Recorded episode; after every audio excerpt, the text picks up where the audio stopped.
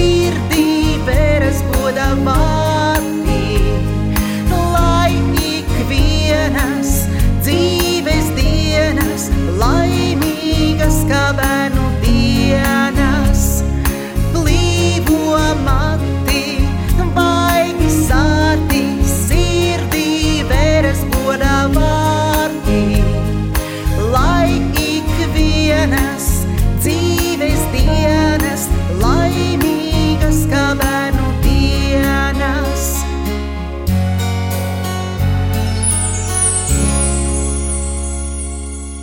Sveiki, sveiki, sveiki! Esmu atkal klāt. Diena pagājusi, atmiņā atstājot spilgtākos notikumus un sajūtas. Lai kā arī bijis, lai kā pa dienu gājis, ja tā labi padomā, atmiņā palicis tas patīkamākais, vai ne? Ja vien nav kādas lielas bēdas, mazās bēdiņas un sāpītes ātri sadzīst.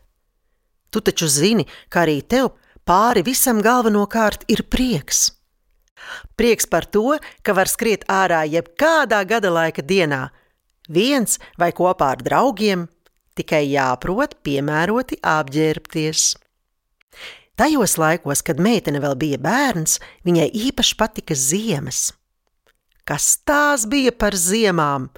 Dziļi sniegi līdz viduklim un augstāk, gaisa temperatūra no ap mīnus 20, mīnus 25 grādiem. Lai varētu pagāmā iet un rotaļāties, vispirms vajadzēja atrakt taciņas. Tas nemaz nebija viegls darbs. Taisnību sakot, tas bija lielu vīru darbs, bet meitenei ar tik lielu vīra dušu un spītību un neatlaidību tas bija paveicams darbs. Galvu nepacēlusi, muguru neatliekusi un rokas neatpūtinājusi.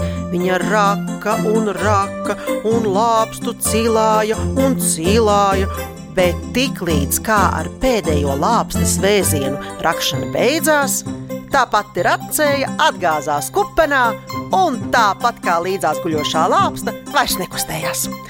Tikai strauji un spēcīgi elsoja.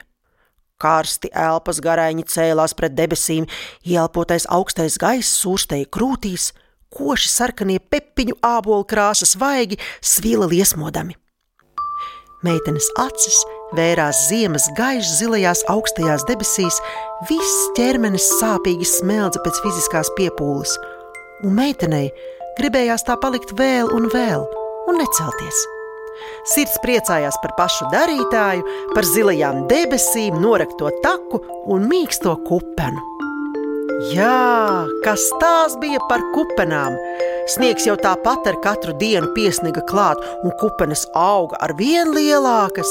Un ar katru rakšanu abās takas pusēs sniega kalni cēlās ar vien varenāki.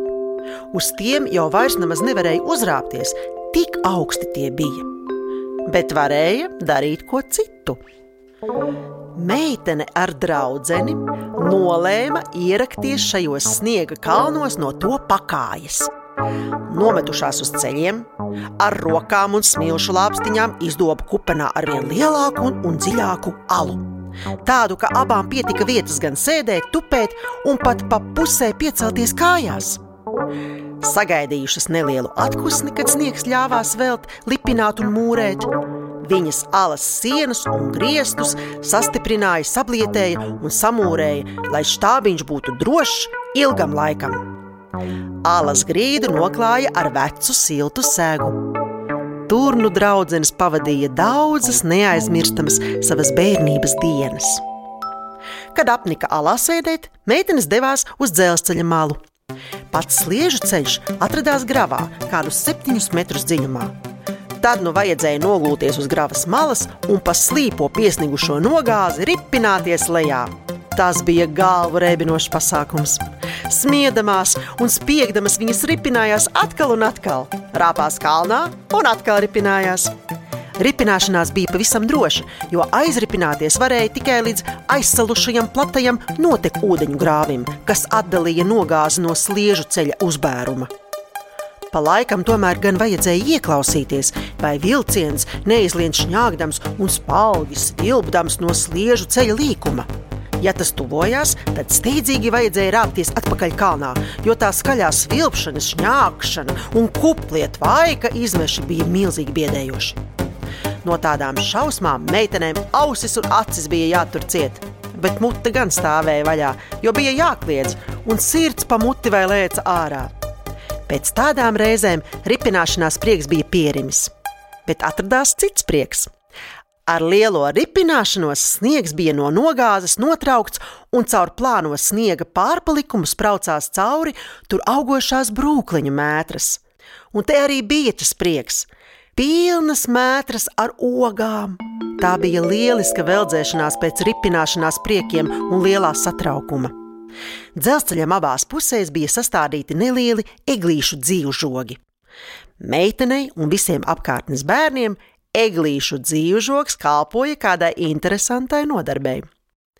Dzīvžoga vienā galā visi bērni sakāpa eglīšu spicē un pamazām pa eglīšu galotnēm viens pakaļ otram virzījās uz priekšu. Noteikumi bija tādi: nedrīkstēja kāpt lejā ne par ko, un izkrist cauri līdz pašai apakšai skaitījās, ka esi izstājies un spēli zaudējis. Tās bija uzvarētājs, kurš aizrāpoja pa eglīšu galotnēm līdz zīžoga otram galam, nenokrītot. Šādā nodarbē varēja paiet puse dienas smieklos un klaigās. Diena beidzās ar patīkamu nogurumu, kā arī ar slapjiem un cauriem cimdiem un biksēm. Bez tam tie bija arī savēlušies ledainiem sniega bumbuļiem. Tie bija tādi ziemas prieku bumbuļi. Ar tiem ziemā savēlās gan bērni, gan dzīvnieki. Arī meitenes pudelīts pufiks. Ar viņu ziemā bija īpaša noņemšanās. Sunīša pāvēdere, īsās kājeles un purniņš ar kuplo bārdu, pa sniegu bradājot savēlās neskaitāmos ledus bumbuļos. Ķepas ar spalvainajām pirkstiņu starpām, mājās pārnākot slīdēja pa grīdu uz visām pusēm. Nekas nelīdzēja. Pufiku vajadzēja uzlikt uz padzisušās plīts, lai viņš tur atkūst. Tādi cirka pudelīši ir ļoti salīgi. Pēc katra skrējiena pa kupenām viņš trīcēja pie visām miesām, saslušos pinku bumbuļus grabinādams. Līdzās pufikam kausējās arī meitenes cimdi, adītās bikses un zeķes. Ja ārā temperatūra noslīdēja līdz mīnus 21 grādam, tad uz skolu nebija jāiet. Tad varēja sēdēt siltā istabā un lūkoties pa logu. Vai pareizāk sakot, logā. Cauri logam neko nevarēja redzēt, jo tie bija aizsaluši.